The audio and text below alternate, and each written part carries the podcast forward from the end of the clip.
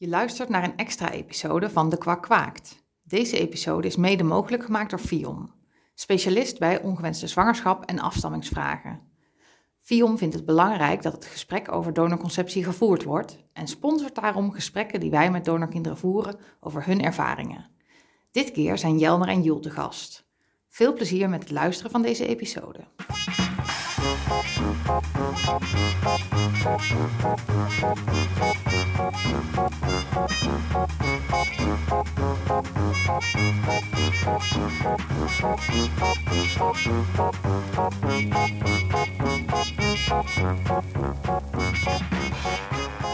Lieve Joel en Jelmer, we zijn aangekomen bij soort van deel 2. Ja. Eh, jullie verhaal. En eh, ja, wij zijn al heel benieuwd. Wij kennen jullie eigenlijk nog niet zo heel goed zelf. Dus, eh, daar- Nee, we zien, we zien elkaar voor het eerst. Hè? Ja. Maar, Leuk. Maar Jelmer heeft al een bekend gezicht. Want jij was eh, toen in, in het nieuws kwam dat dokter Wildschut dus eh, donorkinderen verwekt had. eh, toen was jij eh, op televisie veelvuldig te zien. Of Ja, waar ik keek dan. Ja, wij, vorig jaar waren we bij het journaal samen ook. Ja. Oh, heb ik heel niet opgeslagen. Sorry, Jul. Nee, met, nog, met, met, eh, met z'n drieën Ja. waren we daar. Christine erbij. Ja. En dat was daadwerkelijk ook de eerste dag dat wij elkaar zagen. Dus eh, we hadden al plannen gemaakt om eh, elkaar te ontmoeten. En toen kwam dit nieuws en, en vroeg het journaal of we daar een, een item over wilden maken. En toen noemden wij zo even aan de redactrice dat, we, dat we, wij elkaar ook nog nooit hadden ontmoet. Toen zei ze, oh, zullen we er een soort van all you need is love momentje van maken? Dat we dan op de parkeerplaats dachten, nou ja, oké. Zo ongemakkelijk. Dat is Zo heel ongemakkelijk. te bukken achter een auto. Omdat we al omhoog komen. Totdat de, de cameraman er klaar voor, voor was. En toen eh, hadden we het beroemde lucht high five. Ja, hi, hi, hi, hi. Ja. Nou, zo ging het. Ja, dat was heel, heel Ja, het is toch net iets anders dan bij All You Need Is Love. Ja. Dat was toch anders? Ja, maar wel leuk. Zeker. Ja, dus toen was jij tv. En jij bent pas geleden, of pas geleden, relatief recent nog op eh, tv geweest bij Nieuwsuur. Ja. Toen de eh, arts uit Leiden bekend werd dat Ja. hij zijn eigen zaad ook had gebruikt. Ja. Het, eh, om, om daar ook meer, over, meer context over te geven. Of meer het, het, het menselijke verhaal achter eh, zo'n kwestie te, te Mhm. laten zien. Dat vonden wij, vinden wij belangrijk op het moment dat we eh, voor dat soort dingen worden gevraagd. Ehm, soms denk ik ook wel, oh god, worden mensen niet moe van het feit dat we dan eh, iedere keer in de media komen. Maar als het een kans is om te kunnen laten horen dat, we, dat er ook gewoon normale mensen zeg maar, achter zo'n verhaal zitten. Dat het niet, Mhm. niet een soort van... eh, ehm, een, niet alleen maar een enorm schandaal is. Ja, of, een, of een freak show. Ja, precies. precies. Ja. Want zo wordt het soms natuurlijk door de media wel een beetje neergezet van dat het alleen maar schandaal en en maar Mhm. ja, er z- zijn gewoon volwassen mensen die Ja. eh, het, het, het kind zijn van deze dokter. Dus Ja, Ja, en dan eh, juist als je het zo ehm, en met, veel, eh, met veel schandaal de wereld inbrengt, maakt het misschien juist ook veel moeilijker voor mensen om het dan aan hun kinderen te vertellen. Of Mhm. voor donorkinderen om te denken, oeh, wil ik daar dan wel bij horen? Want dan gaat het ook over mij in de media. Of nou ja, om te vertellen aan mensen van, nou, ik ben van dokter Wildschut. Dus dat is een beetje onze missie. ja, dus om dan te laten jullie zien, want jullie zijn ook allebei Ja. hartstikke knap, vind ik. Ik weet niet, is dat komt dat omdat dokter Wildschut jullie vind, vind je niet Esther? ja, ik vind het mooie mensen. Ja, zeker. Is dat eh, is dat eh, algemeen onder alle 54 de broers Nee, en dat zijn zussen? alleen wij. Nee, vind ik wel. Vind ik wel. Mooie mensen. ja, Ja, nou ja. Ja. Als je gewoon naar onze groep kijkt, denk ik wel, ach, allemaal mooie koppen erop. Ja. kom Ja. erop. Ja. Ja, wat goed. Ja, dus dat, eh, nou, dat, kijk, dus zo kan je het dus ook bekijken. En jullie willen eigenlijk laten zien van, hé, hey, wij zijn hartstikke normale, leuke, lieve mensen. Precies. Dus als je bij onze club zou horen, Is helemaal niet erg. is dat wat, je, wat jullie proberen uit te dragen? ja, ik denk ik wel. Ja, dat. En ook wel een beetje... ehm we hadden het in de vorige podcast even over dat wij zelf ook een podcast gaan maken. En dat is misschien meer met in ons achterhoofd van... We zijn een groep halfbroers en zussen en zo wordt het eh, van bu- buitenaf denk je dan misschien, nou, dat is een gezellige groep met allemaal gelijkgestemden. Maar dat is helemaal niet zo. Ja, het is wel heel gezellig. Maar iedereen heeft zijn eigen leven gehad en zijn eigen ervaringen. En is op een eigen manier hier terechtgekomen. En dat Ja. maakt de beleving van hetzelfde verhaal waar je in zit, eh, gewoon heel verschillend. Voor de een is het misschien maakt het allemaal niet zoveel uit. En de ander is er heel boos over of heel verdrietig. Of nou ja, heeft allerlei vragen hierdoor gekregen. En om die variatie ook een beetje te laten zien. Dat we Ja. niet. eh, Nou, wat, wat, wat ik ook boeiend vind, is de, de verschillende achtergronden van mensen. Hè? Want je, Ja. je bent dus broers en zussen, maar je groeit in hele verschillende nestjes op. precies, ja. En dat maakt natuurlijk ook uit voor hoe je, Ja. nou, hoe je dit een plek Ik geeft stel in me je dan leven. meteen helemaal voor dat eh, als je dus ontdekt dat je, dat je, mag ik zeggen, een wildschutje bent, of doen jullie dat niet? Jawel. Ja, Ja, volgens mij dan wel. mag je het zeggen hoor. Want zo, zo eh, een karbaatje, een wildschutje, zo Ja. wordt er Mhm. natuurlijk wel eens over grote groepen donorkinderen gesproken. Maar als jullie dat vervelend vinden, dan eh, Nee trek ik me dat meteen aan. Maar st- stel dat je dus ontdekt dat je een wildschutje bent, dan kan je lekker die podcast gaan luisteren en dan leer je alvast je broers en zussen een beetje kennen. Ook Want dat. je kan niet 1, 2, 3 natuurlijk met, eh, Nee. waarschijnlijk met die 50 mensen om de tafel. Klopt, ik denk dat dat ook eh, eh, een, een mooi is. Wij gaan inderdaad ook sommigen voor het eerst in ons leven zien. En, en eh, spreken. Dus ook voor ons is het een manier om mensen beter te, te leren kennen. Dus ja, daar heb ik ook wel veel eh, zin in wel. Mhm. Ja. En gaan jullie dan op zoek naar eh, eh, overeenkomsten en, en Nou, ik denk dus dat wat, wat Jullie net zei, ik denk dat wij dus juist op, ook op zoek willen naar. ehm, eh, we willen zo divers mogelijke geluiden laten horen. Dus juist ook op zoek naar ehm, de verhalen die je misschien niet meteen zou verwachten. Of de kritische mensen, de, de kritische Mhm. eh, geluiden. Ehm, ja, ik, ik, ik, ik denk dat ik dat heel erg tof zou vinden. En natuurlijk ga je natuurlijk iedere keer ook, kijken, oh ja, waar, waarin lijken we op elkaar of Ja. eh, waarin juist niet. En Want hebben, hebben jullie dat toen jullie elkaar vorig jaar ontmoeten ook gedaan? Ja, Ja, ik ja. had jou al eerder gezien in een fotoboek van een van onze halfzussen. En toen dacht ik bij elke foto, dit, is, dit ben ik in mannelijke versie. dus dat Wie- was, het, allereerste, dat was Ja. het, het allereerste berichtje dat, dat je mij stuurde. Was ook, hoi, Ja. ik zag eh, op een foto mijn mannelijke... Ja, ja. Versie. Zullen we een keer een biertje gaan ja, drinken? precies. En toen bleken we bij elkaar om de hoek te wonen ook Ja. Het bleek het owner is heel goed met elkaar te kunnen vinden. Ja. Ja, Want dat kan natuurlijk ook, hè, dat je dan iemand bij je om de hoek hebt te wonen waarvan je denkt, ja, maar daar hoef ik echt niks mee. Ja. Eh, maar nee, ik, eh, ik, eh, het voelt wel soms alsof ik een, een, zus bij heb, zeg maar. Ja. Ja. Ja, want als ik jullie zo samen zie, dan voelt het ook heel ontspannen en zo. En wij hebben het er wel eens over van, nou, met je nieuwe broer en zus is ook een beetje zoeken naar hè, welke relatie bouw je dan op Mhm. of wat heb je met elkaar gemeen. Maar ik, ik weet dus niet of ik dat goed zie. Maar dit lijkt zo als, ja, alsof jullie elkaar al jaren kennen en zo heel gemakkelijk. Nou, ik stuurde jou gisteravond een screenshotje uit ons WhatsApp-gesprek. Want dat eerste berichtje dat was eind maart, vorig, ja, eind maart 2021. Dus dat is nog helemaal niet, toen zei ik, jeetje, ik kan het gewoon niet geloven dat het pas dat we elkaar iets langer dan een jaar kennen. Want het voelt inderdaad alsof we elkaar al veel langer kennen. Ja. En maar dat heeft misschien ook wel te maken, omdat je in zo'n beladen verhaal terechtkomt, is het ook een soort snelkookpan voordat je een beetje weet van, oh ja, wat heb je aan elkaar en hoe, hoe sta je erin? Je, ja, Je zoekt dan een gelijkgestemde een beetje, bedoel je dat of niet? nou, nee, meer dat het dat dat je daardoor wel snel wat vertrouwder raakt met elkaar, omdat je ja, met iemand die je helemaal niet kent, ga je normaal ja. gesproken helemaal niet over dit soort dingen praten. Van, Ja. oh, hoe was het voor jou? Hoe ben jij opgegroeid? En nou al dat soort dingen. Ja, zeker. Het, staat onder, je je eh, staat onder druk. Ja. Wel. En, en dan, ehm, als je het al goed met elkaar kan vinden, dan, dan ga je elkaar ook eh, vasthouden, denk ik. En, en het was afgelopen jaar gewoon best wel een heel heftig jaar. Eh, waarin voor, voor ons als hè, eh, wildschutjes, als je dat zo mag zeggen, ook heel veel gebeurd is. En Ja. ook veel mediastorm was en veel eh, moeilijke kwesties. Ja. Dus ja, dat heeft ons wel naar elkaar toe. Wil, je, wil je daarover vertellen? Want ehm, Wil je ehm, dan eerst misschien je microfoon ietsjes Oh, dichterbij zetten? Dankjewel. Sorry. Ik moet zelf gewoon ietsje meer zo. Nee, goed, want ehm, ehm, ik, zou, ik zou heel graag van jullie willen horen, sowieso wie is je vader, wie is je moeder, wie is je moeder, wie is je moeder. Ja. Ehm, eh, of wie is je vader, wie is je vader. Voor, eh, ehm, ehm, en en, en, en eh, ik ben heel benieuwd van hoe hebben jullie gehoord dat je donorkind bent? Wil jij misschien beginnen, Jelmer? Ja. ehm, wie is je moeder? Eh, Herman. Herman is mijn vader. Hetty is mijn moeder. Eh, de groetjes ook aan. Dus Ja, ze zullen ja, ja, ja. dit zeker weten. Cool. Klinkt Ja, al luisteren. gezellig, Hetty en Herman. En Ime is mijn Ah. broer. En wij zijn altijd een gezin van vier geweest. En eh, toen ik 25 was en mijn broer 27, toen hebben mijn ouders het eh, aan ons verteld. Eh, dat was al iets waar ze jarenlang al tegenaan zaten te hikken, maar niet zo goed wisten hoe ze dat moesten doen.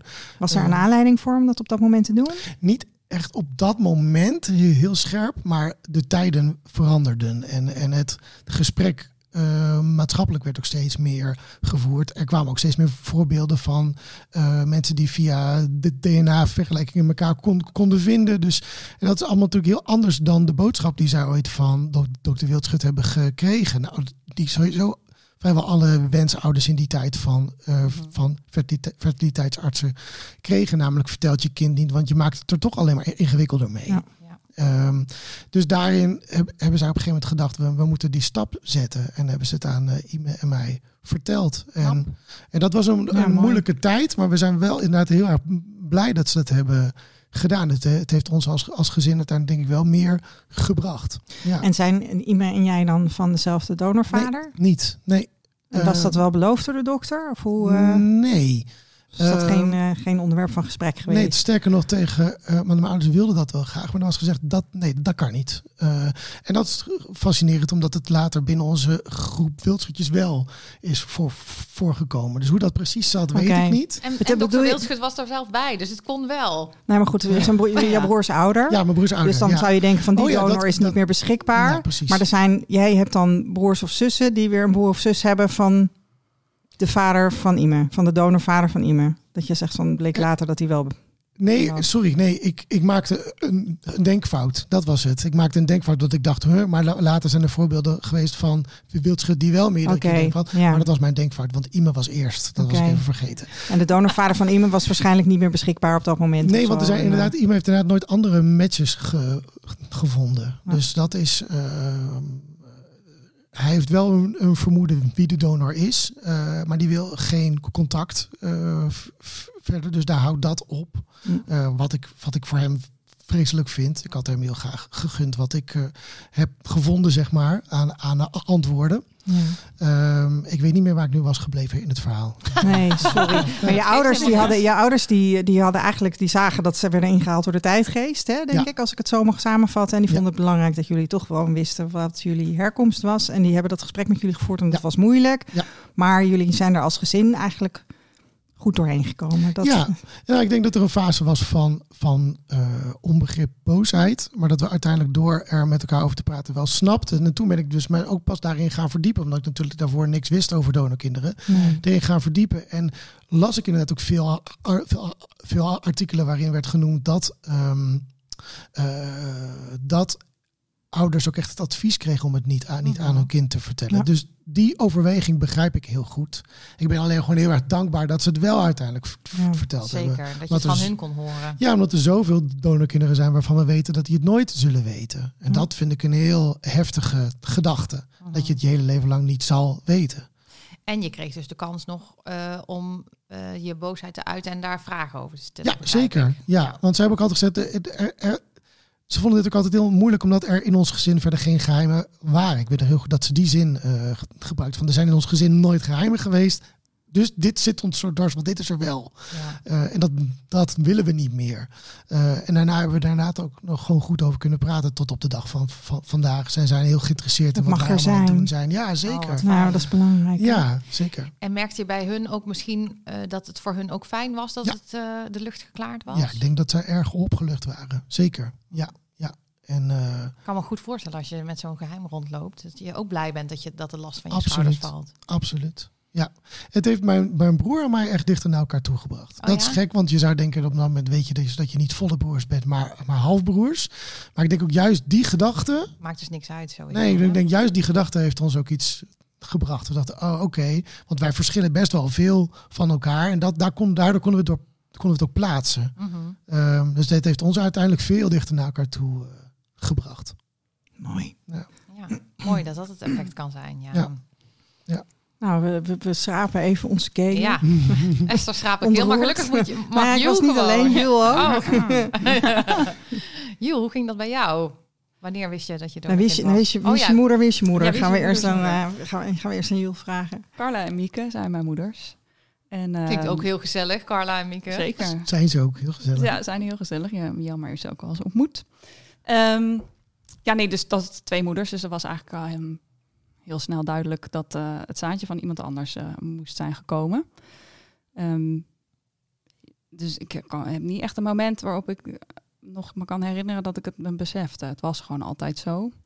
En ik heb vanaf jongs af aan verteld, nee, ik heb geen vader, ik heb twee moeders. En dan zei iedereen, oh, wat zielig. Ik denk, dat is helemaal niet zielig. Hoezo? Maar echt, gewoon- werd daar, werd daar zo op Ja. gereageerd? Ja, deze m- kinderen vonden het heel zielig voor mij. Oh ja. Maar ja Ik vond het helemaal- nee, ik dacht, joh, waar heb je Jorg het over? vertelde dat ook vorige Ja. week. Ja. Grappig, hè? Ja. vond ik grappig om te horen. Ja, dat, Ja. Oh ja, die- die Waar, komt dat, ja, waar komt dat vandaan? Zou dat uit die kinderen komen of vinden ouders Nou, dat dan ja, nee, ik eigenlijk? denk- hè? Misschien dat je als kind dan denkt, oh, dus zij hebben geen vader. Zij, als ik geen vader zou hebben, zou ik hem heel erg missen. Ja, precies. Ja, omdat je... je- weet, omdat je heel veel van je vader houdt Precies. en hem heel lief vindt. Ja. Ja. maar ik heb gewoon een andere moeder daarvoor Ja. in de plaats. Dus Ja, dat- precies. Nou, Die, plek was, eh, die plek was gewoon bezet. precies. Ja. Ja. Ik hoefde daarin niet iets eh, te missen. Nee. En heb jij ook nog een broer of zus of meerdere? Ja, ik heb een, eh, een broertje, die is drie jaar jonger. Eh, uit een andere kliniek in eh, Zwolle is hij gekomen, want toen was Wildschut net met eh, pensioen. Maar mijn broertje die is ernstig meervoudig eh, gehandicapt. Oké. Ehm, dus ja, daar klinkt een beetje lullig. Daar had ik niet zoveel aan. Maar daar, daar heb ik niet. Ja, ik hou heel veel van hem. We, we Mhm. hebben een hele bijzondere band samen. Maar hij kan niet praten en hij begrijpt niet wat je tegen hem zegt. Dus het is op een heel ander niveau. Ik heb Dit nu is voor het eerst een broer met wie ik kan praten, zeg Ja, maar. Ja, Ja, ja, en dan wijs je naar Jelmer. ja, Ja. ja, ja, klopt. Nou, dat Hey, moet dan wel heel, heel fijn zijn, denk ik. Of is dat niet? Ja. Hè, dat, je, Ja. dat je dat kan delen. Want jullie zeiden net ook eventjes over die storm waar je dan in zat afgelopen jaar. En toen dacht ik van ja, dan kan ik me ook voorstellen dat je dan... Eigenlijk, jullie begrijpen elkaar. Mhm. Zoals eigenlijk, ja, en al jullie 50 broers en zussen. Maar verder kan niemand jullie op die manier begrijpen Nee. natuurlijk. Nee. Nee, het is Dus- fijn als je dat kan delen. Ja, dat kan ik me voorstellen, ja. Ja, waar ik wel benieuwd naar ben, Jules, in jouw verhaal is, eh, j- jij, jij hebt dus nooit, ehm, eh, zeg maar, een vader gemist, maar je bent ergens wel, ergens ben je een keer nieuwsgierig geworden of ben je op zoek gegaan naar waar dat zaadje dan vandaan kwam. Ja. Wat, wat is daar gebeurd? Ja, nee, eigenlijk dus helemaal niet. Ik, het, eh, Het gebeurde ik- niet. interesseerde me echt nooit. Nee, ik had daar helemaal geen vragen over. Ik dacht, ja, nou ja, het zal wel. Ja, Wat heb ik nou van die vent? Alleen een zaadje, verder niks. ja, Eigenlijk een beetje de clichés zoals jullie ze wel eens noemen. Ja, zo, zo was dat voor mij echt. ja. En ik dacht, ja, ik heb gewoon alles wat ik... Ik heb twee lieve ouders, ik heb een broertje, ik heb een leuke familie. Ik eh, herken veel dingen van mezelf in mijn moeder en sommige dingen niet. Maar ja, denk, ja, die heb ik dan maar van mezelf. Een kind is natuurlijk ook geen per exacte kopie van zijn ouders. Dus ik had echt nul behoefte om eh daarna op zoek te gaan. Ook toen die Viom DNA-bank kwam, dacht ik nou... En dan kwamen er wel eens verhalen van donorkinderen die dan broers of zussen hadden gevonden. Of een donorvader. dacht ik, nou, ik, ik heb helemaal geen zin om daar aan te beginnen. En misschien ook wel eh, dat ik in mijn achterhoofd een stemmetje had van ja, als je er eenmaal aan gaat beginnen, dan wil je het natuurlijk ook vinden. En als het dan niet lukt, eh, Ja. geeft dat dan heel veel frustratie. En je weet niet wat je vindt. Misschien is er wel een of andere gek. Nou ja, dat bleek het ook te zijn. Daar hebben we het, daar hebben we het straks even over. Maar, maar goed, Die Je weet parkeren we gewoon- even. je weet gewoon niet zo goed wat je, wat je gaat aantreffen. Nee. En dat gecombineerd met het feit dat ik dacht, ja, maar ik mis eigenlijk ook helemaal niks. Eh, ja, heb ik het gewoon altijd zo gelaten. Totdat. ehm, Maar je dacht daar dus wel, want dat gedacht, die gedachtegang van, maar ik mis helemaal niks, dus ik ga dit niet doen. ja. Het is niet zo dat je er niet eens over nadacht. Maar nee, maar dat komt eigenlijk vooral omdat je, je, als je nieuwe mensen ontmoet en je vertelt wat over je taal, dan krijg je altijd die vragen. Ja. Ah, wat doet Ben je je vader? niet Nou, ik heb geen vader, ik heb twee moeders. Ja. Oh, twee moeders, hoe dan? Ja, een zaadje van een spermabank. Oh, wie is het dan? Ja, dat weet ik niet. Kan je daaruit achterkomen? Nee, weet ik niet. Nou, nou. Dat verhaal is zo vaak en die vragen zo vaak Ja. gesteld en dan Afgedraaid. Ja, Je had het kunnen opnemen, zodat je alleen maar op play gewoon. Precies. Ja, dus dat op die manier denk je dan over na. Maar in mijn dagelijks leven stond ik daar nooit bij stil. Nee. Maar het werd net spannend, wat je Ja, zei. totdat. Ja, totdat. Ja. Sorry. Ik vond hem zelf ook nog. Mijn excuses. Geef niks. Nee, totdat ik ehm, eh, op vakantie was in Duitsland in oktober 2020. En er was in. eh, toen begon corona net weer een beetje op te spelen nadat het in de zomer best wel goed was gegaan. Dus ik was elke dag even op de NOS aan het kijken van is er moeten we terug, want gaat alles in lockdown of niet? Toen deed ik niets vermoedend, klikte ik de NOS weer open en er stond zoals een gynaecoloog verwekte minstens 17 donorkinderen. En toen dacht ik, haha, ah, het zal wel een of ander schunnig kliniekje zijn geweest. Ja, Het zal je gebeuren. ja. Dus ik ging dat lezen. En toen stond er in het Sophia ziekenhuis. En toen stond daaronder tussen 1984 en 1994. En toen dacht ik, oeh, ik ben nou 1991. Dit, Ik vind eh, het gewoon spannend. Ja. Ja, echt spannend. ja, het was, een, het was een heel gekke eh, shift. Ik dacht, hey, shit, deze headline die gaat misschien wel over mij. Ja. En toen heb ik mijn eh, ouders gebeld. En eh, die zeiden, oh ja, je hebt het dus ook net gelezen. Ja, dat was onze dokter. En dacht ik, oh, god. Ja. En nu? Schrok je? Ja, Of wat gebeurde er? ja, nou... Ik was dus eh, nog, die twee weken daarna was ik nog op vakantie. Dus ik heb het ook een beetje geparkeerd. Ik, die dag was ik er gewoon een beetje ibelig van. Dat ik dacht, oh, wat gebeurt me nou weer? Ik heb hier helemaal Met geen wie was je op in. vakantie? Met mijn vriend. En, en, en, en, en kon, kon, wat kon hij wat met jouw ibeligheid? Wat, wat, wat Hm. Nee. Hij, hij, hij heeft hij je kon het er vastgehouden? laten of, zijn. eh, ja. ik was gewoon een beetje boos. Dacht, God, zo'n zo vieze vent. Kan toch niet? Dan kom, kom ik straks daar vanaf en wat dan? En, oh. Ja. Ja, en jij wilde er niks mee. En nu werd je eigenlijk Werd het getriggerd. voor mijn voeten neus, gegooid. eh, ja. ja. Ja. Dus ik heb dat even laten rusten. En toen kwam ik terug van vakantie. En toen hadden mijn ouders alle krantenartikelen uitgeknipt... die er in de tussentijd over eh, verschenen waren. Toen zeiden ze, nou, jullie hebben een pakketje. Eh, lees het maar eens door. Eh, ga maar eens bedenken wat je ermee wil. En toen heb ik eh, er een paar weken over nagedacht. En dacht ik, ja, ik kan nou wel zeggen... Ik, wil, ik heb helemaal geen vraag, ik wil er niks van weten. Maar als het leven het zo voor je voeten gooit... Ja. Ja, dan Want wat wil ik het ook aangaan en dan maar zien wat het me brengt. Ja, wat, wat dachten Carla en Mieke? Hadden die meteen zoiets van... eh, Nee, ze zijn altijd heel goed in mij mijn eigen weg laten vinden. oh, Ehm. Ja, als ik ze iets vraag, zeggen ze altijd precies het tegenovergestelde allebei. Dus dan moet ik het toch nog zelf uitzoeken. maar ook hierin hebben ze gewoon heel open gelaten. En het ligt helemaal bij jou. En alles wat je kiest is goed. En daar mag je het helemaal zelf ontdekken. Maar ik merkte wel dat zij zelf ook wel benieuwd waren of het zo zou zijn. Ja. En dat ze ook wel een beetje vermoedens hadden. Mm. Dat het eh, misschien wel zo zou zijn. Het had wel iets bij ze aangewakkerd. Want zij Ja. hadden dokter Wildschut ook gezien. Dus, Ja, ja. Ja, en uh, op basis daarvan ze hadden dit nooit zelf kunnen bedenken hoor. Maar ja, op basis van de foto's en wat meer informatie in de krant, dat ze toen nog dachten, ja, nou, het zou zomaar kunnen. Ja. Dus toen uh, ja, heb ik besloten om uh, nou ja, dit avontuur aan te gaan en uh, DNA op te sturen. En eigenlijk moet ik zeggen dat ik in die weken wachten ook stiekem eigenlijk wel een beetje hoopte dat het zo zou zijn omdat je dan weet wat je. Ja, nee, dan heb je duidelijkheid. Ja, dan heb je duidelijkheid. En Ja. het had natuurlijk ook zo kunnen zijn dat ze hadden Ja. gezegd: nee, je bent niet van Dr. Wildschut, maar van Jan Ja. de Groenteboer of van niemand. We weten het niet. Mhm. En had ik dan niet toch stiekem dat vlammetje bij mezelf Ja. aangewakkerd van shit, maar nou wil ik Toch het dat weten. verlangen. Ja, Ja. Ja. dus dat vond ik nog wel spannend. Jelmer, zat jij bij die 17 don- donorkinderen in dat artikel? Zeker, en we hadden maanden toegewerkt naar dat persbericht. Eh, en, en dat moment, dus dat wa- wat was doodeng. Ehm, en nu achteraf hoor je dus wat voor steen je in de vijver hebt gegooid en hoe Ja. dat zich Ja. zo is gaan uit. En hoe belangrijk het dus is dat jullie dat hebben gedaan. Ja, Ja, Ja. levens veranderd. Ja. ja, ja, en dat Nou was ja. heel mooi, hè? Dat, want eh, eh, het begin van dat jaar hadden eh, ehm, een aantal. eh, ehm, hadden, de ouders van een aantal van ons hadden contact met het, met het ziekenhuis opgenomen. Want het ziekenhuis wist dit nog niet. Dus dat is toen met hen opgenomen. En Isala heeft toen heel eh, direct gezegd: Oké, dan gaan we met jullie samenwerken. En met eh Fi- Film ook erbij om eh, een goed bericht ervan te maken. En een goed plan te maken voor hoe we dit na- naar buiten gaan brengen. Want het moet wel, wel naar buiten komen. Maar we moeten even terug in de tijd, denk ik. Want ja. met welke informatie kwamen ze dan? Want er, er was dus een ontdekking gedaan. Ja, oh, je, oh ja, tuurlijk. Ja, zo ver terug in de tijd. Ja. Hoe, nee, hoe wisten jullie... ja, dat zat ik ook bij, bij dat begingroepje. Ja. Eh, we waren met z'n vieren toen we voor het eerst met aan elkaar werden gematcht. Dat was gewoon via de commerciële DNA, commerciële databank.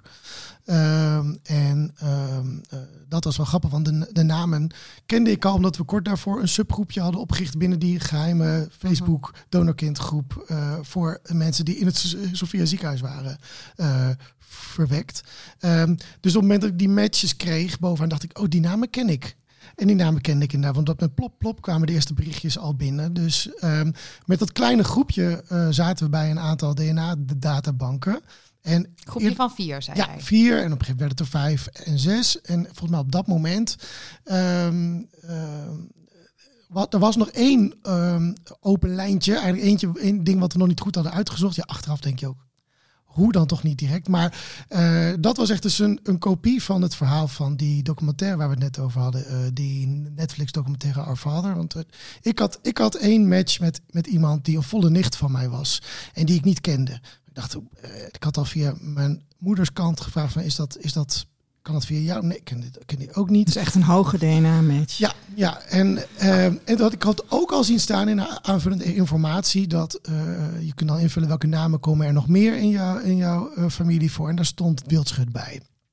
Ik heb dus echt, dat, we hebben dat toen besproken, gedacht, ja, daar moeten we nog een keer wat mee. Maar echt waar, ja. En toen dacht ik, ja, ja. Gaan we wel een keer naar kijken. Ja, dat zal vast niet dit zijn. En op een gegeven moment, na een, een maand of anderhalf, twee, hebben we, het, hebben we gedacht, nou, voor de zekerheid checken we het Want- toch even bij Want haar. wisten jullie, hadden jullie alle vier al wel de link gelegd dat jullie ouders allemaal bij dokter Wildschut waren geweest? Ja, dat, dat wel. Ja. En al best ook wel veel research naar hem gedaan op de een of andere manier. Omdat we toch wel geïnteresseerd waren in welke arts eh, Ja. was dat. Dus dat dossier hadden we al liggen eigenlijk.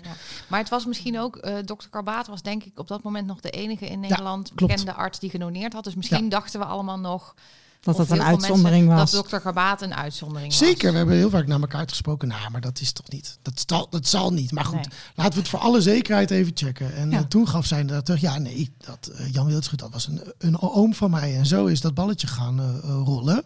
Ehm, en zijn we uiteindelijk met, met eh, zijn familie in contact ge- ge- gekomen. eh, die vanaf het allereerste moment hun deuren voor ons open hebben ge- Oh. gezet. Dat is nog altijd iets waar we ongelooflijk dankbaar voor. Nou, wat fijn Voor zijn. inderdaad. ja, zijn familie, dat zijn zijn kinderen Ja. dan geweest? Ja. Ja.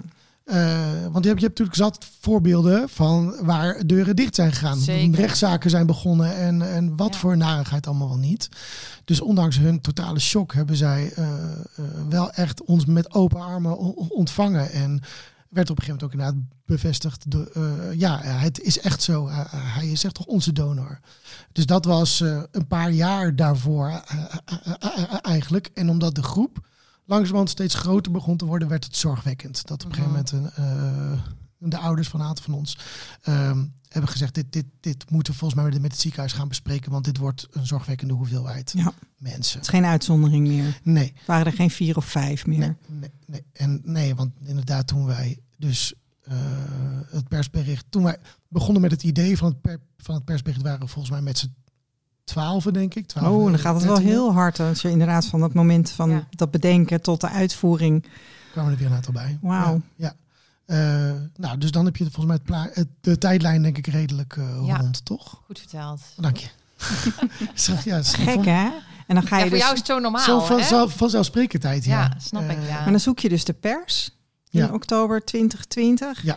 En dan, eh, dat is een soort, eh, hoe noem je dat, een lont in een kruidvat of zo. Hè? Dan, dan gaan er natuurlijk, dan is iedereen die daar vandaan komt, Ja. of die weet dat die daar vandaan komt, of ouders die, ouders gaan met hun kinderen praten, eh donorkinderen gaan denken van, hé, hey, ben ik ook van de dokter? Dus er gaan heel veel mensen testen. Ja. Spannende tijd lijkt me dat. Heel spannend. tijd. En vooral ook een soort stilte voor de storm. Want al die DNA-testen duren natuurlijk een tijdje voordat de uitslagen er zijn. Dus eh, we, ja, jij hoorde bij de golf, volgens mij, de Mhm. golf in, ja, in eh, januari. Dat was de golf die Ja. kwam door het, het, het persbericht en door Ja. het feit dat een aantal eh, media het hebben, hebben opgepakt. Ehm, Ja, want, want Vium heeft dus een virtueel donorprofiel van hem gebouwd. Ja, was dat er to- toen al, Jules? Weet ik even niet Ja, zeker. ja. dat, Ja. dat was Ja. er al, ja. Ja, ja. Ja, sorry, ja. Oké, oké. En, en daar, op basis daarvan zijn jullie ook met elkaar gematcht. Ja, en jullie gaan dus van, even kijken, oktober 2020 zaten jullie op 14 en nu is het 17 zaten we doen. 17 en nu is het eh, nog geen twee jaar later en zijn jullie met 54. Ja. ja, ja, Dat ja. gaat hard, hè? Dus dat gaat hard, ja. En Ja. gisteren kwam er dus nog één iemand bij. Ja, ik kon met regelmaat druppelen en zo met Ja. mensen, met mensen binnen. Het is niet ja. meer zo, want op de dag dat ik werd gebeld, werden er ook nog elf anderen gebeld. Dat ze aan Wildschut gekoppeld waren. Dus dat is by far de grootste sprong geweest. Ja. En toen was het nog een paar maanden dat er dan weer drie, weer twee, nog weer een clubje. En nu Ja. is het steeds nou, om de zoveel. Want mensen die je dan Weken of via, maanden komt er via één bij, gingen zeg maar. testen, die kwamen natuurlijk iets later dan de mensen die via de internationale DNA-databanken gingen testen. Ja, we hebben eigenlijk niet meer zoveel uiteindelijk via Nee. commerciële databanken gematcht gekregen. Het grootste deel is via Viom eh, binnen, binnengekomen Oké. sinds dat moment. Ja. Ja, ja, even, voor de luisteraars. Ja, het is gratis. En, en voor de luisteraars ook wel belangrijk. Van, dat kan dus alleen als ze zo'n virtueel donorprofiel hebben. Want anders dan wordt het heel ingewikkeld met broers Ja. en zussen. En dat is ook het lastige bijvoorbeeld met zo'n Henk Nagel. Dat, dat eh, dan, dan in de pers. In de, in, ehm, eh, het is dus nodig dat het zo'n virtueel donorprofiel is. En er is niet van alle artsen bij Viom, de alle artsen die gedoneerd hebben bij Viom, zo'n virtueel donorprofiel. Dus bijvoorbeeld zo'n eh, eh, Nagel uit eh Jeroen Bos ziekenhuis. Eh, daarvoor is het echt nodig dat je via de internationale DNA-databanken test. ja, klopt. Ja, Ja. goeie. Ja. Maar jullie deden waarschijnlijk in dit persbericht een oproep om, om via Fion te... Ja, om je te melden bij of het ziekenhuis of eh Ja. Ja. Ja. En dan is was. gratis en dat profiel is er. Dus dan zit je daar ook helemaal goed natuurlijk. Mhm. Maar dan is het wel fijn, want jij zit bijvoorbeeld... Of jullie zitten allebei in... Ja, jij, jij Jelmer, zit wel in internationale DNA-databank. Ja, ik zit overal in. Dat is heel fijn voor als er eh, mensen zijn Ik die... pik zo af en toe nog wat mensen op. Ja, precies. Heel Ja, goed. goed. Die, die neem je mee op de trein. Ja, precies. Ja, ja. Dat was een voortvloeisel omdat mijn, mijn, mijn broer en ik op een gegeven moment dachten... we willen toch iets meer, want via Fion... we hadden ons al lang geleden, vrij vlot nadat we het wisten... el- elf jaar geleden, Ja. ons bij Fion ingeschreven. Maar we zijn zelfs nooit aan elkaar gematcht. Nou, dat is het bekende Ja. Verhaal. Eh, en toch op een gegeven moment dachten, ja, willen we toch iets meer. Dus ook hij is volgens mij overal ongeveer ingeschreven. En ik ook. Ja. Dus dat, is, eh, dat kwam daar uit, Ja. uit voort. Ja. Ja. Precies. En dan hoeft, hoeven ook niet al jouw broers en zussen erin natuurlijk. Want eh, Nee. ja, dan kunnen ze gewoon via jou binnenkomen. Ja. Mooi. Hey, en dan heb je dus, dat, op dat moment zijn het er 17 en dan worden het er meer. En, en het is natuurlijk de dokter. Dus Ja. heel Nederland vindt hier iets van. Ja, we waren echt het eh, schandaal. Dat vond ik heftig. Heel heftig. eh, om dat in die eerste tijd te merken. Het was wel niet. ehm, er zijn gelukkig ook eh, twee van ons, ehm Margreet en Luca, hebben bij op één, bij op gezeten in oktober. En dat was heel eh, mooi gesprek en ging heel, heel integer. Eh, maar er zijn ook een hoop eh, minder integere eh, stukken in die weken geschreven en gemaakt. En ik, ik kijk nooit naar online comments onder eh, artikelen. Dat, dat, daar ben ik ook blij om. Een aantal van ons eh, doen het wel zo af en toe. En daar lees je ook de meest, meest afschuwelijke dingen. Jules wel. Zie ja, we noemen geen namen, maar Jules. Ja. Ja. We noemen geen naam, maar Jules wel. Ja. Ik eh, lees alle comments, ja. Dat is Oh. toch, maar dat is toch verschrikkelijk soms. Ja, is, ja, nou ja, ik moet soms ook wel gewoon om lachen. Ja, Ja, maar als je het zo voelt, waarom lach je dan? lezen natuurlijk. Wat, wat, wat is er? Wat, nou, wat is grappig? ja, het is allemaal gewoon kort door de bocht en veel van hetzelfde, de comments. Maar we hadden, want er is, het is twee keer echt een mediastorm geweest. Die eerste keer toen het natuurlijk bekend werd. En toen is het in maart 2021 nog een keer, want toen eh, is naar buiten gebracht dat hij dat Wildschut ook zijn eigen zaad had gebruikt als met ouders was afgesproken dat het zaad van de vader gebruikt zou worden, de opvoedvader. Dus die ouders die eh, wisten helemaal niet dat er zaad van iemand anders bij betrokken was. En dat was nog weer een nieuw schandaal. Ja. Toen was er ook toen was die uitzending van Nieuwsuur en daar was ook Ties volgens mij, daar was ook die directeur van de Isala die. Dan- nee, dat was nog weer. Ja, sorry. Oh, Dit sorry. Dit was, Nee, de, ja, dit nee, was ja, de, het voorjaar waarin wij met z'n tweeën... Ja, en- toen kwamen wij bij de NOS. Met z'n bij, Ja. NOS zaten, ja. En toen had een, iemand onder dat fi- filmpje van de NOS op Facebook geschreven... nou, die donor maakt maar lelijke kinderen. Nou, hier hoor je heel iets anders. Oh, wat ha hoe, halen mensen het ja, in hun hoofd, hè? ja. Ja, wat, wat- wie zijn jullie? Wat, Ja. wat doe je hier? En wat voegt dit toe? Ja, Ja. nou, echt dat. Echt dat. En wat jij bedoelt is, is dat er eh, in het najaar toen nog... eh, was de onderzoekscommissie klaar. Met Oh, die die. Ja. Klopt. Ja. Ja, dat was in november Ja, dat was 2021. ook weer een. eh, Dat was ook nog weer veel nieuws, ja. Eh, Maar en Beetje, ik ben heel ja. benieuwd, hoe zijn jullie erachter gekomen dat eh dokter Wildschutter moet op een gegeven moment iemand, denk ik dan, zijn geweest die eh, gewoon voor de lol een DNA-testje heeft gedaan en toen ontdekt heeft, ik ben kind van dokter Wildschut, maar ik was niet bedoeld als donorkind. Was het zo gegaan? Precies ja, dat, volgens mij. eh, er is één. eh, ja, er is inderdaad één- één, één persoon geweest waar, waar ik al heel lang aan was gematcht. Maar waar, ik wel in eerste instantie een, een prettige, po- positieve eh, kennismaking mee had. Maar die ehm, eh, daarna ook heel lang, heel lang was er geen contact. En achteraf snap ik waarom. Omdat eh, het gesprek is in de familie moest worden gevoerd van hoe kan dit überhaupt? Die Ja. had zich inderdaad voor de lol bij een eh, DNA-databank. Of eigenlijk met, met andere redenen dan de afkomst zien te achterhalen.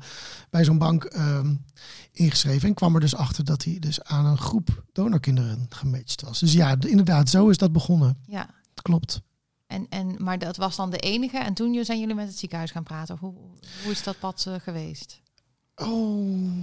Ja, dat- jullie even Ja, hè? moet even- Duik er maar in. Hoe het nou precies... Want er waren er toen, denk Want ik, bij twee één, of ja. drie ja. Heftig toen hoor. dat naar buiten kwam. Ja. Dus, maar die zijn dan allemaal bij toeval, denk ik, op die manier gematcht. Ja, Of was er nou iemand die zelf vermoedde? Nou, ik weet het ook niet. meer. Maar Ja, die misschien aanging op het nieuws. ja, En dacht ik lijk erop. Ja, of Ja. inderdaad dan eh, Zoiets. jou ziet bij... eh, Nieuwsuur. Ja, of, ja, ja. nee, maar ik kan me Oh, voorstellen.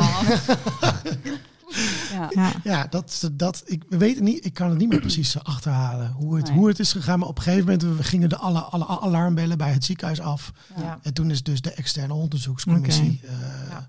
Ja, mooi hè. En dat is dus eigenlijk gebeurd op het moment dat bleek dat hij zijn eigen zaad ook gebruikte. Op het moment dat, dus op het moment dat hij zijn eigen zaad gebruikte, was er volgens het ziekenhuis nog niet zo heel veel aan de hand. Eh, maar op het moment dat, dat blijkt dat hij ingevallen waarin hij het zaad van de sociale vader zou gebruiken, zeg maar, en zijn eigen zaad gebruikt, dat is het moment dat alle alarmbellen eraf zijn gegaan en dat ze onderzoek zijn gaan doen. Ja, nou, ik- ze hebben het wel vanaf het begin serieus ge- genomen hoor. Ja. Ik denk de- hoe wij meegenomen zijn in de, de st- stappen naar, Ja. eh, naar de, de media toe, daar zie, eh, voel ik wel dat het se- serieus is genomen. Maar inderdaad, maar er- ergens zou je daar ook nog wel iets voor kunnen Ja, zeggen. hoe kijken omdat, jullie daarnaar? nou ja, in principe wist. Eh, Wij weten nu waar we het over hebben, hè, maar dit moeten we misschien Ja. even iets explici- explicieter maken. Nou ja, kijk, het Ja, verhaal veranderde ook ineens. Want tot, totdat duidelijk werd dat hij ook zaad had gebruikt wanneer dat zijn eigen zaad had gebruikt, wanneer het zaad van de opvoedvader gebruikt zou worden, had je nog een soort narratief van ja, er was een tekort aan zaaddonoren en hij heeft dit gedaan omdat, eh, omdat hij anders niet genoeg mensen kon helpen. Dus je kon het nog een beetje er een goed verhaal van maken. En dat Ja. wil je stiekem toch graag, want je wil die, Nou ja, die moeders die, wilden, hè, die, of die, ander die mensen die maakten gebruik van een donor. Die wisten Ja, dat dat een technisch anoniem gezien iemand was. Was hij- Dus, eh, Daarom. Was hij dat ook? Ja. dus, Ja. ja. Maar daar ben ik dus wel benieuwd naar wat jullie daarvan vinden als een dokter zelf doneert eigenlijk. Want dat kan je dus zeggen van ja, die mensen wilden een anonieme donor en hebben ze gekregen. Slimme man, want hij was dokter. Mhm. Dus Nou, ik- knappe man blijkbaar. Ja, maakt mooie hij kinderen. Was zelf, ik geloof niet super knap, toch? Of wel? Geen commentaar. Ik, eh, maar de- ik, ik, pers- ik persoonlijk. ehm, eh, ik persoonlijk ben daar heel nuchter in. Hij had namelijk ook donor bij een collega kunnen zijn in een ander ziekenhuis. Er werd ook in die tijd vaak gezegd dat co- co-schap, co-assistenten eh, donor konden zijn. ja. Dus op Ja. zich, hij was technisch gezien gewoon een donor. En Ja. daar kan ik persoonlijk vrij nuchter in staan. Mhm. Ik snap het ook helemaal voor mensen die daar niet zo nuchter in staan. Kan ik me ook voorstellen. Ja, maar ik denk inderdaad, hè, mijn moeders hebben gevraagd om het zaad van een vreemde man. Nou, dat hebben ze Dat hebben ze gekregen. Ja. Ja. En het is alleen maar achteraf Spoor. dat we kunnen ontdekken. Oh nee, nou, het was iemand die ze dan een paar keer hebben gezien in het ziekenhuis. Het was de dokter zelf. Kan je natuurlijk wel medisch ethisch denk je dan, hm, nou, hij wist dat is misschien niet helemaal volgens de behandelovereenkomst, Nee. maar goed. Maar Nee, daar, en ik kan me ook nog voorstellen dat het dan nog uitmaakt of het vers is of ingevroren. Dat je, als, je, als dat vers is, dan heeft, dan heeft hij dat dus moeten produceren. Ja, daar is- probeer ik echt dan- helemaal Ja, te Oké. Nee, dat- ja. Oké, Ja. daar, stappen we overheen. Maar twee, twee dingen, daar, Ja. daar voelen ik, als ik voor mezelf spreek, voel ik daar wel een grens. En dat is het aantal. Dus moment werd het Precies, zoveel. En Ja. veel mensen die in de regio zijn blijven wonen. En, en dat, dat, dat is gewoon niet oké. Nee. En natuurlijk dus dat in het voorjaar bekend werd dat die in KIE gevallen Ja. ook. Ja. ehm, Ja, en Kunstmatige KIE, inseminatie met eigen Sorry. zaad. Ja, Eigen. Nee, heel goed. Dat is gewoon helemaal prima. en dan Maar verandert weer- het verhaal Laatst kregen we weer een bericht dat we me- meer moesten ondertitelen. Want Ja. de afkortingen die we gebruiken. Dus dan eh, vertalen we het af en toe. Maar dat snap ik heel goed. En, en dat voel ik eigenlijk ook zo. Denk ik, ja, weet je, hij stond achter eh, inseminatie met donorsperma. Want dat was zijn werk. Dus ja, en je hebt het zelf bij de Nou hand. En dat is ook een beetje in de, zoals ze het in die tijd dachten, dat het ook niet uitmaakt van wie Ja. het is. Want het is maar een zaadje. Ja.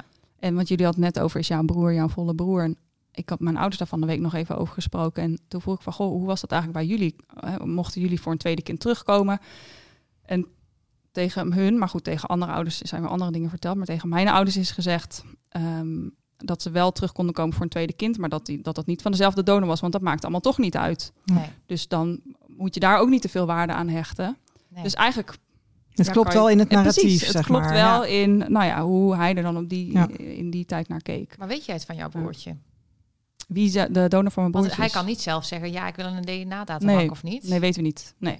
Maar ze hebben wel aangegeven bij de kliniek waar hij vandaan komt dat het niet dat het eindproduct niet helemaal goed. eh oh nee, want hij was uit een andere kliniek. Ja. Oh ja, ja, ja. ja, Dus toen hebben ze wel die donor daar eruit gehaald. Ja, ja, ja. Het Dus hij is, hij is niet van Wildschut. Nee, nee, Nee, hij is nee, van nee. de andere. Ja. Van Stimezo in Zwolle. Oh ja, ja. ja.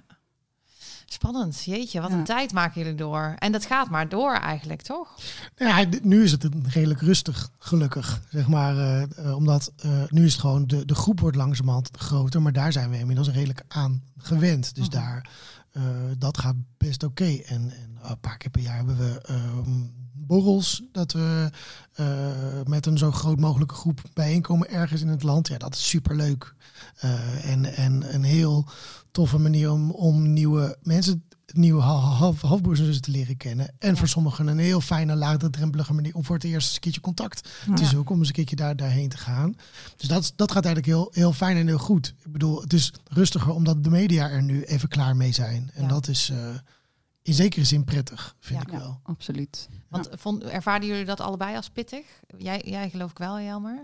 Ja, ik kan voor jou spreken dat toch ook. Ja. Het was gewoon heel bizar. We wisten van, nou, die dag komt dat nieuws naar buiten. En ik zat s ochtends in de auto naar mijn werk. En op het eh, NOS Radio 1 journaal eh, kwam nieuws over Dr. Wilson. En toen was ik echt, wat is het? Wa- waar ben ik nou weer in beland? Ja. Ik ben gewoon onderweg naar mijn werk en dan gaat dit gaat over mij. En in de middag reed ik terug van mijn werk en dan was er een psychiater die dan Oh, ging ja, vertellen over, ja, dat, eh, waarschijnlijk is het een heel narcistische man geweest of met een godcomplex en alle stoornissen die hij dan wel niet gehad zou moeten hebben om Mm. dit te doen. En ik dacht, echt, jongens, blijf er van af. Ga- Laat het, laat Want denk het je dan, gewoon. dat gaat over mijn biologische vader, doe eens niet? Of wat, wat gebeurt er dan?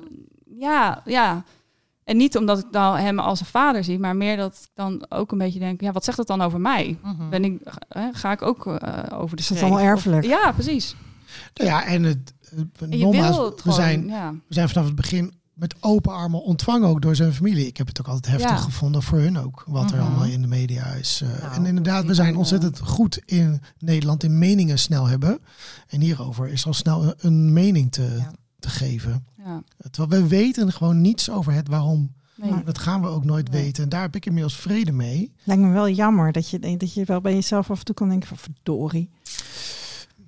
Ja. Ja, en ook Want, eh, Althans, ik kan me voorstellen dat je hem gewoon wel heel eventjes door elkaar had willen schudden of zo. Dat je gewoon eh, Ja. dat, je, dat je dat gesprek had willen voeren. Maar anderzijds, wij hebben zoveel wel ge- ge- gekregen. Ja, We hebben zoveel mensen met wie we dit verhaal kunnen, kunnen delen. ja. ehm, dat ik daar, ja, ik weet dat dit een heel vies woord is in deze podcast, maar dankbaarheid voel ik Maar hier wel mag een gewoon beetje zoveel dankbaar zijn als je zelf Ja. voelt. Ja. Zo is het ook. Nou ja, dat voel ik wel Ja. bij. Eh, En waar ben je dan dankbaar voor? Ik ben dankbaar voor die ongelooflijke hoeveelheid eh, informatie die wij hebben kunnen, Ja. kunnen krijgen. Ja. En dat je, maakt dat je ook een beetje een beeld kan vormen van wie was die man die dit deed. Ja. Want hij deed dit en daar gaat het alleen maar over in Mhm. de media. Maar ja, hij was daarnaast ook nog gewoon een heel mens. En wie was dan dat mens? En, En willen jullie daar iets over Dat, vertellen? Want ik ben ehm, wel benieuwd naar de mens eigenlijk. nou, weet ik niet of we daar heel veel over willen vertellen.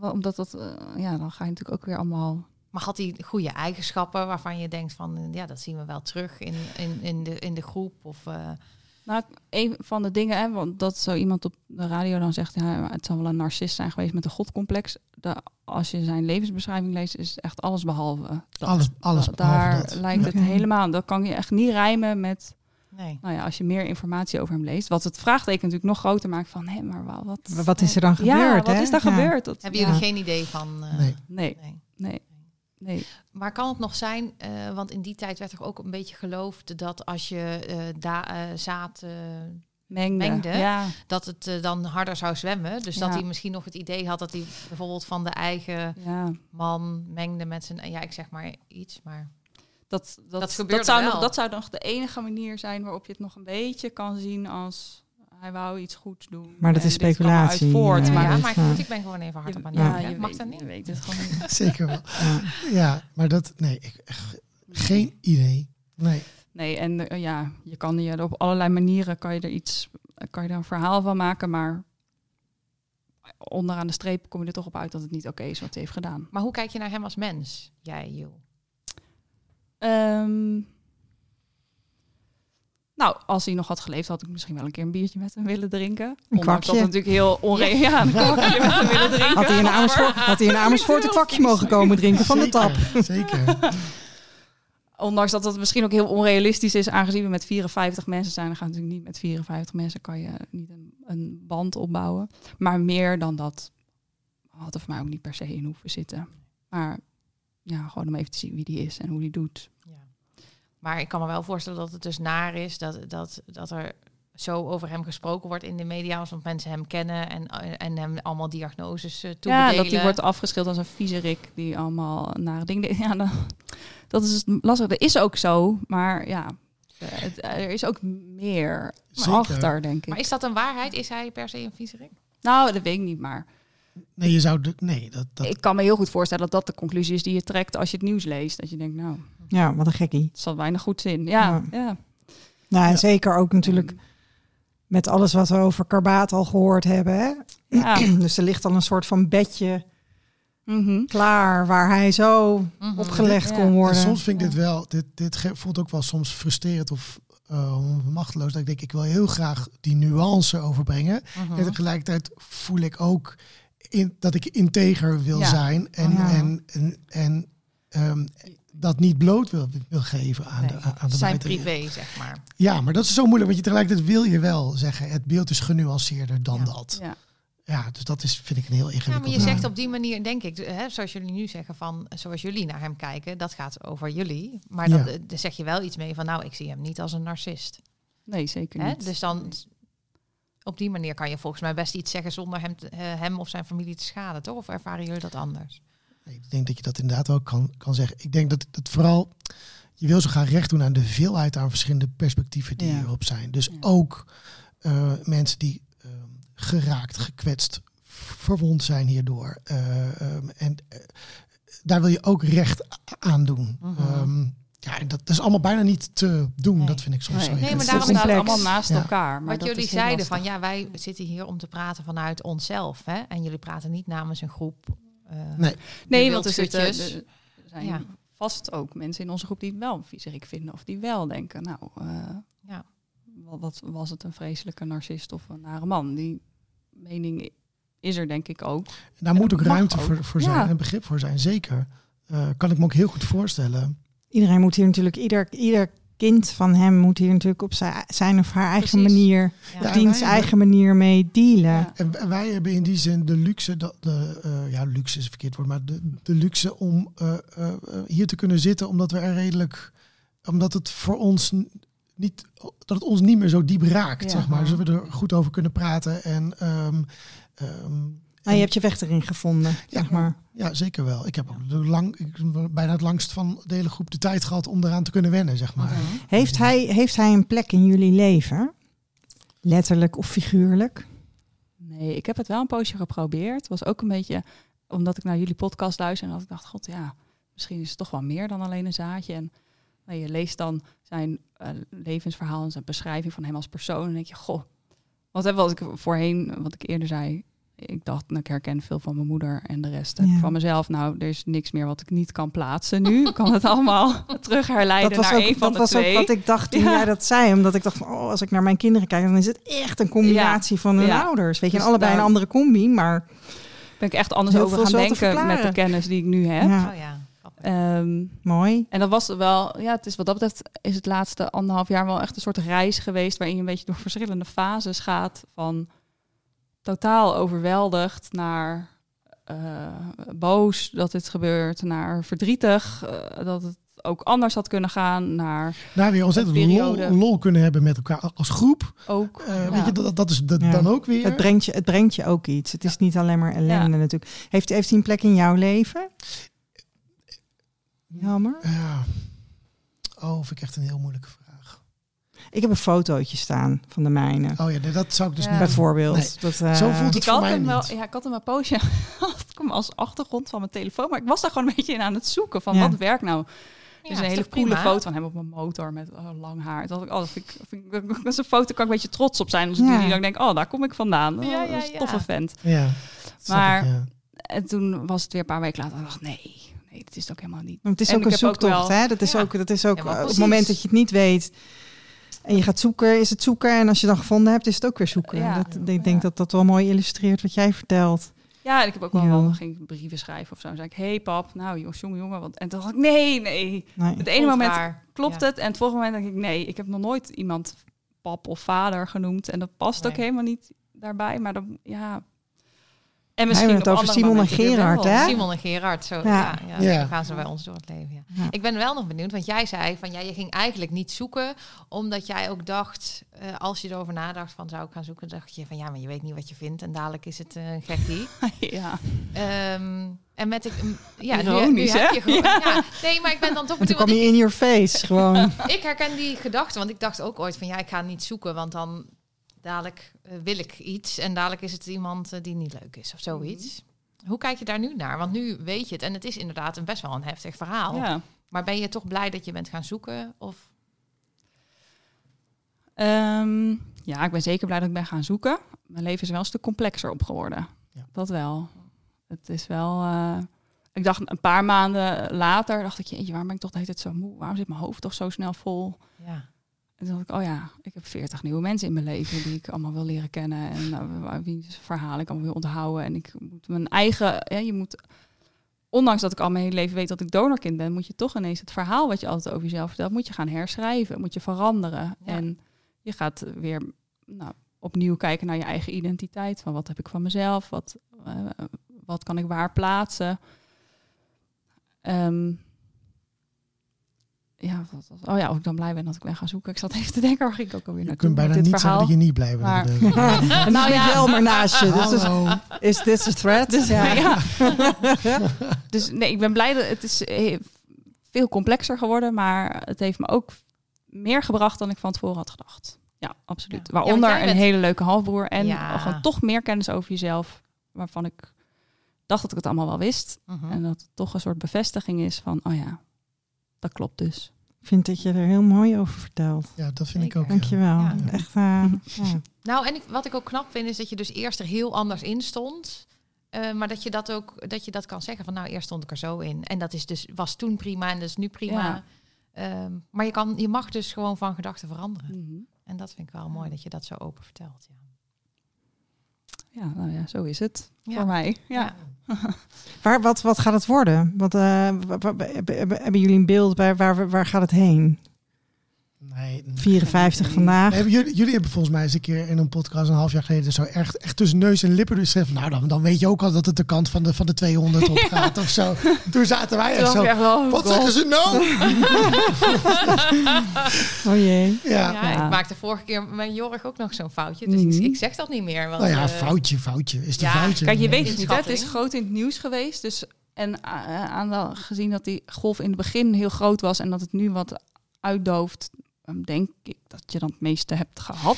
En tegelijkertijd Maar je denk weet het Nee, maar nooit. tegelijkertijd denk ik oprecht dat we 80 kunnen zijn en dat er nog, nog iemand bij komt. Ja, Dat denk ik ook. Dat en denk wat, wat, ik ook, mij, ja. wat, mij, wat ik lastig vond toen, ehm, die directeur van Isla was een keer bij Nieuwsuur. Mhm, Ja. Ina. Ja. En toen, werd, en toen werd aan haar gevraagd van, gaan jullie... Dat was volgens mij toen de uitkomst van Ja. het onderzoek van Oh ja, Didi dat Braat. eh, Oh ja, Ja, daar ja, hebben we we een mening over. besproken. Ja?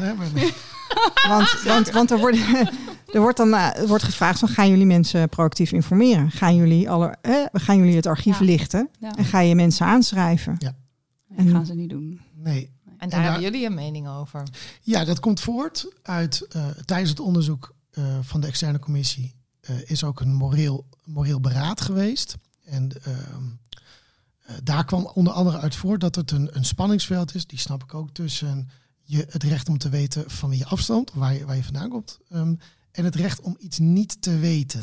Ja, en die hebben we Ja. altijd. moeilijk klopt niet, hè? Dus de- tijdens de, Ja. de presentatie van de on- onderzoek is dat ook de meest gestelde vraag geweest Ja. vanuit de, de zaal. Ja. En dat, dat, on- en dat gesprek bleef maar cirkelen, omdat het antwoord erop gewoon. Ja, Maar het recht om niet te weten, dat kun je alleen uitoefenen als, je, weet dat er iets is. Juist. Nou ja, En anders, dus dat, dus dat hele recht om niet te weten gaat volgens mij niet op in dit verhaal. We hebben Nee. binnenkort hebben wij ehm, iemand die daar eh, maand.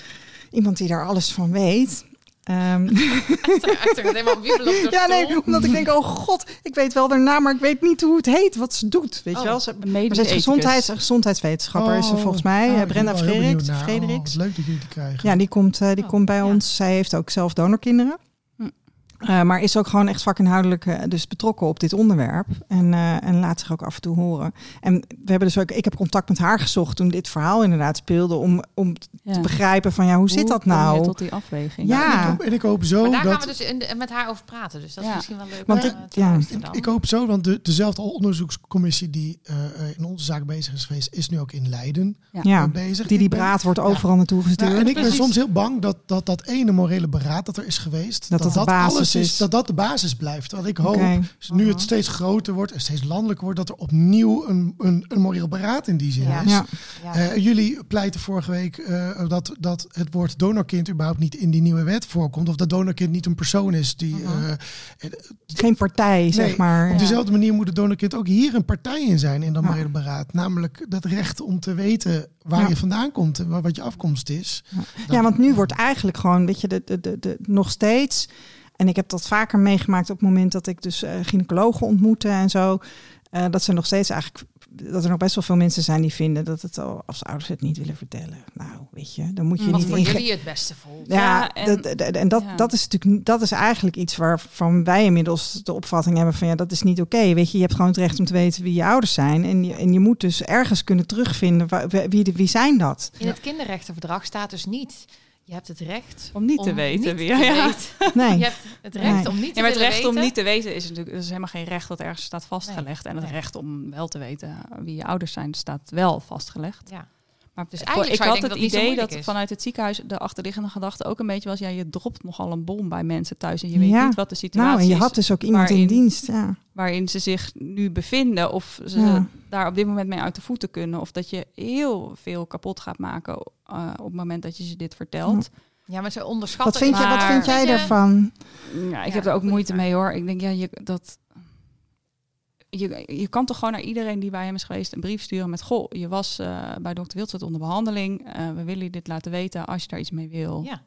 Je Bel ons. Precies, Ja. bel ons. Ja. Ja. En nu is het een, een landelijke advertentie Ja, geweest. In Ja. alle kranten. En ik vind het ook een Ehm, beetje betutteling. Dat is ook beperkt. Hè? Dagbladen hebben echt nog. Vroeger hadden dagbladen een eh, dekking van eh, 90%. Dus vielen Ja. 90% van de brievenbussen viel zo'n ding. Dat is echt al heel lang niet meer zo. Zeker niet, nee. Maar ze hebben, wel, ze hebben het wel in de land, lokale eh, dingen gedaan. En ook in het Reformatorisch Dagblad. Omdat ze dachten dat ze nog met een groep Ja. En Ja. wat gewoon veel voorkomt in de omgeving van Zwolle. Ja. En die eh, misschien iets minder geneigd zijn om, eh, ja, om daarover te praten en, eh, Ja, om en- naar het grote nieuws te kijken. En dat het op die, in die gebieden ook onder de aandacht is gebracht.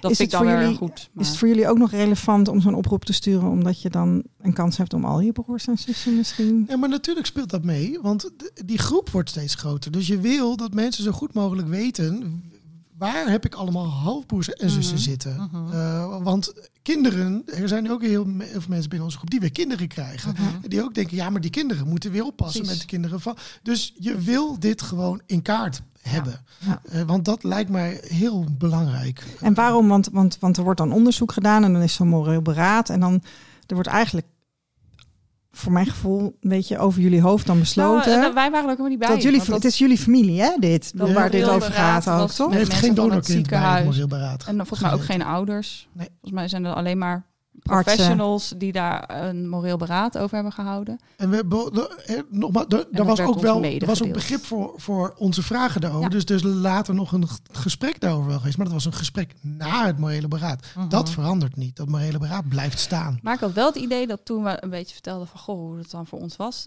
dat ze wel dachten, oh, wacht even, hier Ja. hebben we misschien te weinig bij stilgestaan. Ja. Dus Maar ik hoop dat ze dat meenemen naar de En toekomst. voeren jullie hier actie op Dat of zo? Jullie hebben Ah. contact, weet je wat? Hoe, hoe, hoe, hoe of eh, misschien is actie niet helemaal het goede woord. hoe, hoe, hoe, hoe oefen je hier invloed op uit? Nou, nu. Nee, nou, en, ehm, en de- er is naar aanleiding van het onderzoek van Didi Braat en haar commissie is natuurlijk er zijn allerlei adviezen gegeven aan Isela van hoe ga je hier nou mee om. En een van die dingen was dat onder andere de communicatie met ons dat dat beter moet en meer gestroomlijnd en dat iedereen dezelfde eh, informatie en handvaten eh, moet krijgen.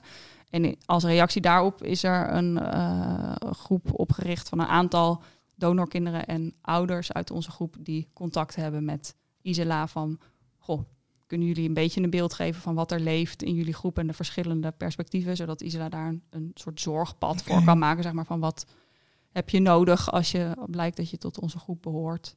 Dus het klinkt Dus alsof daarin- Isela wel Ja. zorgvuldig Ja. probeert Ja, die communicatie met jullie als Ja. groep vorm te Ja, geven. dat zeg idee heb ik zeker. Maar ik ja. vind het wel echt een blinde vlek die ook spreekt van arrogantie. Om dus bij zo'n moreel beraad, dus met professionals die Ja. zelf die ervaring helemaal niet Ja. hebben, dan helemaal niet mensen te vragen die Nee. die ervaring wel hebben. Maar dat is misschien ook een beetje, ja, je moet het wiel uitvinden. En daar zijn ze dan nu hopelijk achter. Dat het goed is om ook Ja. de betrokkenen daar de volgende keer bij te hebben. Nou ja, maar goed, je wil inderdaad gewoon dat dit, dat dit niet als een soort vaststaand feit nu, die uitkomst van het moreel beraad, dat dat Mhm. een soort van basis vormt Precies, van alles wat die andere. vervolgens in al haar wijsheid Klopt. gaat adviseren bij al die ziekenhuizen waar ze nu wordt ingevlogen. Ja.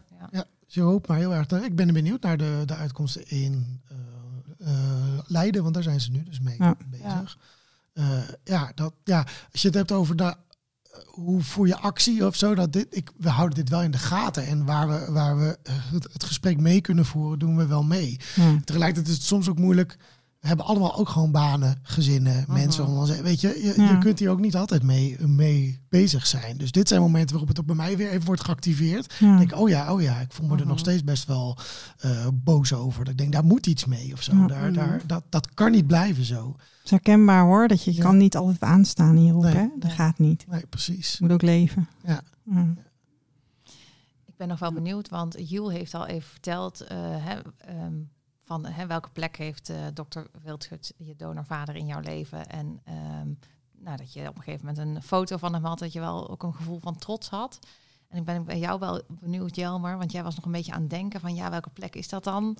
Eh, want hoe, hoe, hoe kijk jij daarnaar dat hij jouw donorvader is? Ik, ehm, ehm, ik denk dat ik. Voor mij is. ehm, ik probeer er iets mee te doen. Ik, ik schrijf. Ik ben s- schrijver. en, en ik heb wel door de jaren heen langzamerhand het besef gekregen. Ja, hier moet ik dan ook iets. Wil ik ook iets mee, zeg maar. Ik wil dat wel samen gaan, gaan brengen. Soms voel ik een beetje dat ik, dat ik iets meer ja, bijna vakmatig hiermee om aan het gaan. Maar dat ik denk, wat zijn de interessante dingen u- u- dingen uit dit verhaal? Wat kan ik eruit meenemen, zeg maar. Eh, ik heb een, een Google search altijd aanstaan op zijn naam. Eh, weet je wel, dat, dat, dus ik voel niet de behoefte om een foto neer te, te zetten ergens. Omdat ik niet die verbindenis met hem voel. Ehm, maar ik, ik weet wel dat ik, dat ik eh, aan, aan dit verhaal verbonden wil blijven. Ja. Ehm, ik stond hoe dit verhaal. Soms voelt het als iets wat waar ik gewoon naar kan kijken. Buiten jezelf. Verhaal. Ja. Ja. Ja. terwijl je er gewoon eh, midden, middenin zit. Mhm. Ehm, Maar jij, jij hebt ook een lijntje met de familie, als ik het goed begrijp.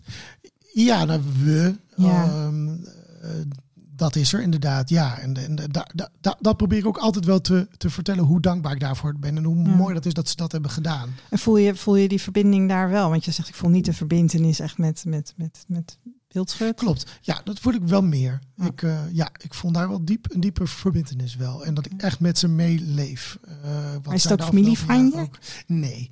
Nee, maar ik denk dat En is dat familie van je? Ja, nou, daar hadden we het, hebben we het vaker, o- vaker over. Ja, Jazeker.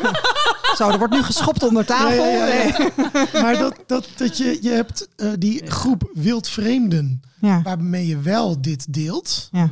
En je hebt binnen die groep wildvreemde mensen naar wie je voelt dat je gewoon meer toegetrokken bent. En dat heb ik met, met Jules heel sterk. Dus ja, eh, ik denk dat we inmiddels eh, drie van de vier keer zeggen zus of broer. En nog één van de vier keer half zus of half broer. Oké, Oh, je bent al bijna, jullie zijn bijna heel nu. Ja, maar dat zeg ik trouwens Ja. tegen mijn eigen broer natuurlijk ook. Die is Ja. technisch gezien mijn halfbroer, maar dat voelt Ja. natuurlijk niet zo. Nee, maar ja, je Dus- gaat ook niet tegen je broer ineens vanaf je 25ste zeggen... Nee, maar ik praat, ook niet over, maar ik praat ook niet over hem als mijn, mijn, mijn hal- hal- halfbroer. Hij is gewoon nee. mijn broer. Zeg Precies, maar. omdat je al jarenlang natuurlijk al 25 jaar praat over je broer. Ja, En hij is ook gewoon je broer. Ja. Ja. zo, zo Ja, daar, zitten, daar hoef je niet echt die keuze te maken. Nee. Terwijl je bij nieuwe mensen moet je dan misschien nog Mhm. een soort van kiezen hoe je ze noemt. Ja, klopt. Ja. Ja, ja. En, en, en eh, dat, dat verschilt totaal ook per persoon hoe daarmee omgegaan Ja. wordt binnen onze groep. En dat is ook mooi, dat Ja. het kan. Nou ja, die groep is natuurlijk ook zo groot dat je niet, je kan niet op ieders verjaardag komen. Je kan niet, Nee. zeker niet als ze ook nog kinderen krijgen. En eh, Mhm. Zijn momenten geweest dat, dat, dat voor, toen die groep nog wat kleiner was, dat we mensen bij, bij ons thuis, dat we bij mensen thuis zijn ontvangen. Ja. Soms wel in de context van, van, een, eh, een, van een kerstdiner of van een verjaardag. Ja, dat wordt lastig nu Ja. inmiddels. Ja. Dat nu gewoon Ja. complete moet je hele rijke broers en zussen met hele grote huizen. Die kan het we nog, misschien. Ja, ja, ja. Dus, Maar goed, Jan Wildschut is in- in jouw leven elke keer dat jij eh, op Google gaat en jij eh, bent aan het schrijven, een, een boek aan het schrijven. ja, dat boek is Wil je daar iets over vertellen? Ja, dat heet KID, KID. Eh, dat is een, een jonge, jong, jong, sorry, Een, een jeugd, jeugdboek. Ik stotter soms. Dat heb ik altijd. Maar goed, dat, dat, zal ik even zeggen, anders denken mensen dat ik een aanval heb of zo. Maar het Ik is denk een dat niemand het dacht. Oh, gelukkig. Nou, gelukkig. Het is een eh, jeugdboek voor 14, 15 plus. Dat is sowieso de, de, aantal, een- de boeken die ik hiervoor heb geschreven zijn ook voor die leeftijd. Ehm, en daar heb ik de afgelopen jaren aan gewerkt. En dit najaar ligt dat in de, in de winkels. Dus misschien komt het wel in de rubriek hier terug. Je weet het niet. Tuurlijk, we gaan, het gewoon, we gaan dat bespreken. Dat vind ik ook Ja. heel spannend. Dan denk ik, hoeveel Ja, sterren ga ik Waarschijnlijk krijgen we dan een boek opgestuurd. Als we een recensie-exemplaar kunnen ontvangen. Zo smooth, even. Heel smooth. Ja, heel goed. Maar dat gaan we... Eventjes vijf sterren boek, boekenclub. eh, ja, krijgen we af en toe een boekje toegestuurd waarvan Ja. de mensen dan wel willen dat wij daar een recensietje over doen. Ja, en daar, dat, nou, dat, dat gaan we regelen. Leuk. Maar het, leuk. het, het is fictie, dus het is wel een bedacht verhaal van een Ja. jongen Ja. van 17 die dit meemaakt. Die is ook beduidend jonger is dan ik was. Er zitten Mhm. heel veel elementen in die ik wel zelf heb meegemaakt. Eh, maar ehm, het, is, het, ehm, het blijft fictie. Dat vond ik ook wel het spannende de afgelopen jaren in het Ja. schrijven, zeg maar. Maar je kan wel juist mooi uit je eigen ervaring putten. Want eh, ik weet niet of jullie dat boek hebben gelezen van eh, ehm, de do- dokter Wachman of de meneer Wachman of hoe heet het? Nee. Oh, gaan. hoe heet, van- hoe heet die schrijver ook alweer? Ja, shit, Christian Tijn. Oh, nou kijk, dat weet Esther dan weer. Nou, en dat... eh, ehm, hij is dus, eh, hij heeft mij De familie en Amy Wachman. onder- en, en een aantal andere mensen geïnterviewd, ja, de familie Wachman inderdaad, geïnterviewd om wat eh, ervaringen te horen. Dan was ik een beetje teleurgesteld eh, in wat voor een donorkind dan in dat boek voorkomt. Dan denk ik, is dat op mij gebaseerd? Maar goed, maakt niet Mm. uit. Eh, maar hij heeft helemaal geen eigen ervaring. En, en dat is natuurlijk denk ik wel jouw voordeel. Dat je uit je eigen ervaring wel kan putten. En dan nog Ja. kan kiezen welke lijntjes eh, gebruik ik wel in het verhaal en welke niet. Nou, zeker ook. Er komt veel in terug wat in jullie podcast ook heel vaak is teruggekomen. De zoektocht, het, het, het familiestambomen bouwen, donor, donor, donor detectives wordt ook genoemd hoor. Dat, eh, dat, Cool, dat, eh, coolio. Zeker, ja. eh, juist ook eh, vanuit de gedachte. ehm, s- het, het is voor zoveel mensen is die deur dicht. Ja. Is er niet, niet eens een deur, Mhm. zeg maar. En dat was mijn e- emotie voor de eerste eh, zes jaar ook, zeg maar, toen, toen ik het wist. Ehm, en dat heb ik ook in het boek geprobeerd over te, te brengen. Maar daarnaast gaat het inderdaad ook over het welvinden van mensen. En het uiteindelijk deel zijn van zo'n schandaalverhaal te- tussen haakjes. Ehm, en, en hoe Ik daarmee vind het nou wel spannend. Ja. Ik ben heel benieuwd wat Ja. jullie ervan, ervan, vinden. Gaaf. Ja, ik ben ook heel benieuwd, ja. Ja. Ik vind het ook wel heel bijzonder dat je je persoonlijke ervaringen op deze manier... Het is mijn meest autobiografische verhaal ooit, ja. Ja, Dat was ook wel teg- tegelijkertijd heel ingewikkeld om het eh, te, te, te schrijven. Ja. Moedig. En, en deed het ook nog iets voor jezelf qua verwerking van al die... Want je hebt best wel ingewikkelde dingen meegemaakt de afgelopen tijd. ja, de grap is dat het misschien wat het meest deed in mijn verwerking met eh, tussen mijn broer en mij. Eh, eh, dus dat, ehm, ik denk dat het schrijver van. Het gaat namelijk ook heel veel eigenlijk over twee broers die allebei horen dat ze, dat ze donorkind zijn. En allebei een eigen zoektocht daarin hebben, maar elkaar juist ook daarin meer vinden. Eh, dus ik denk dat daarover schrijven, maar ook het inzicht heeft gegeven hoeveel mijn broer en ik de afgelopen jaren meegemaakt hebben eh, daarin. Ja. Ehm, dus ja, therapeutisch in die zin wel. Ehm, wat betreft echt het beeldschutverhaal was het, gewoon, was het vooral ongelooflijk complex om Ja. het te schrijven. Ook omdat het verhaal, het werkelijke verhaal, Mhm. aan, de, aan het einde steeds maar verandert. Ja, Het is nooit af. nee. Dus ik moest echt een punt in het boek hebben van en nu stopt het. En dat is eigenlijk Mhm. aan de vooravond dat ze voor het eerst de media zoeken.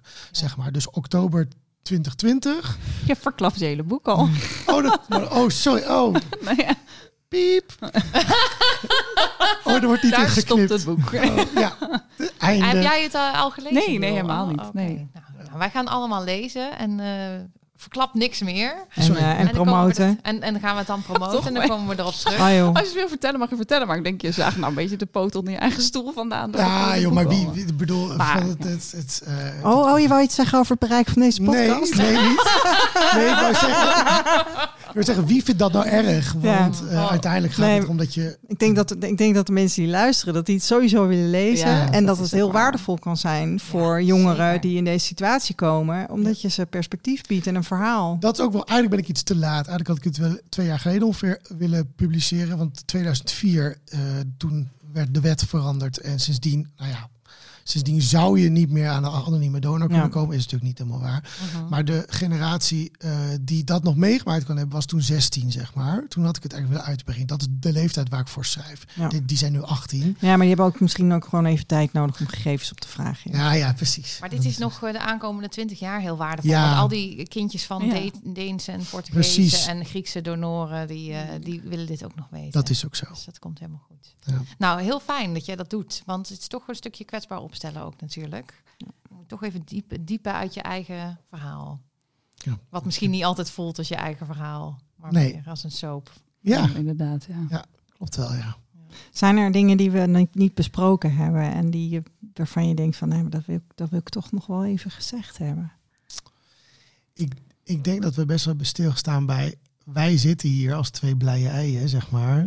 Eh, en we weten ook dat dat gewoon voor echt niet, niet, niet, niet iedereen geldt. Maar dat, dit is gewoon mijn angst altijd. Dat ik, dat ik denk, oh, Je wil niemand tekort doen. Ja. Ja, precies. Ja. maar je doet het toch. Omdat het kan Nou, of je, dan of je kan helemaal niet iemand tekort doen. Nou, Zolang jij je eigen verhaal vertelt, is het eh, denk ik Ja. niet dat dat, dat dat kan. Nou, En anders moeten die andere mensen zelf eventjes hier komen zitten. Dat Ja, mag zeker. ook altijd. Wil je je verhaal doen? maar ik begrijp Ja. ook dat Doe ze dat dat, dan. niet Dat doen, het soms te moeilijk of Ja. te pijnlijk ja. of te vers Ja. of te complex is om wel te vertellen. Ja, Heb jij nog iets? eh? nee, denk ik niet. Nee. Maar ik vond het echt, eh, ik vond het heel fijn om jullie te spreken. Zeker. En, En, eh, ook zo leuk, want jullie gingen ook zo lekker dicht bij elkaar. Ja, ja, ja, ja, ja, Oh, ja, ja. We hebben, we hebben een ronde tafel, maar ze zitten zeg maar met z'n tweeën op één kwart van de tafel. Ja, ja, ja, ja. Nee, Heel jullie zijn goed. echt heel leuk, eh, gezellig om aan tafel te hebben. En jullie konden het heel mooi vertellen, vind ik. En ook Ja. allebei best wel een ander verhaal. Hè? Maar, Dankjewel dat we Ja. hier, eh, mochten zijn. en eh, nou, als jullie podcast de lucht in gaat, dan laat het ons vooral weten. Dan Mooi. laten wij dat weer aan onze luisteraars weten. Ik denk wel, jullie hebben in één keer klap superveel luisteraars. Want Ja. 50 donorkinderen en al hun familie. Ja, dat sowieso al. En dan die, die, die sowieso die 200 diehard fans Ja. die we hebben, zeg maar, die de eerste avond al luisteren, die, gaan, die, die, die komen er gewoon bij. Ja. Nou, en sowieso, eh, daar, daar gaat natuurlijk ook wel wat gebeuren op publicitair gebied, eh, stel ik me zo voor. Ik heb geen idee. Ja, jongen, dan gaan we gewoon... eh, Ja, nee, ik, ik, heb, ja, we gaan gewoon zien waar dat, dat... Iedere keer denk ik, ach ja, wie is er nou in geïnteresseerd? En dan zijn er opeens heel veel mensen in geïnteresseerd. Dus dat Ik vind is het een heel mooi eh, podcast idee. Dus, Tof. Ja. leuk. en het boek ook. Gaan we het zien. Ja, zeker. Nou, jongens, heel erg bedankt. Jullie En, ook. we spreken elkaar. Ja, dank jullie wel. Dankjewel. Zal ik nog even zeggen dat de tune is van eh, Shane Ivers. Dat die Speak Te vinden, heet. te vinden op silvermansound.com. Toppetje. Doei Tot de doei. volgende. Doei doei.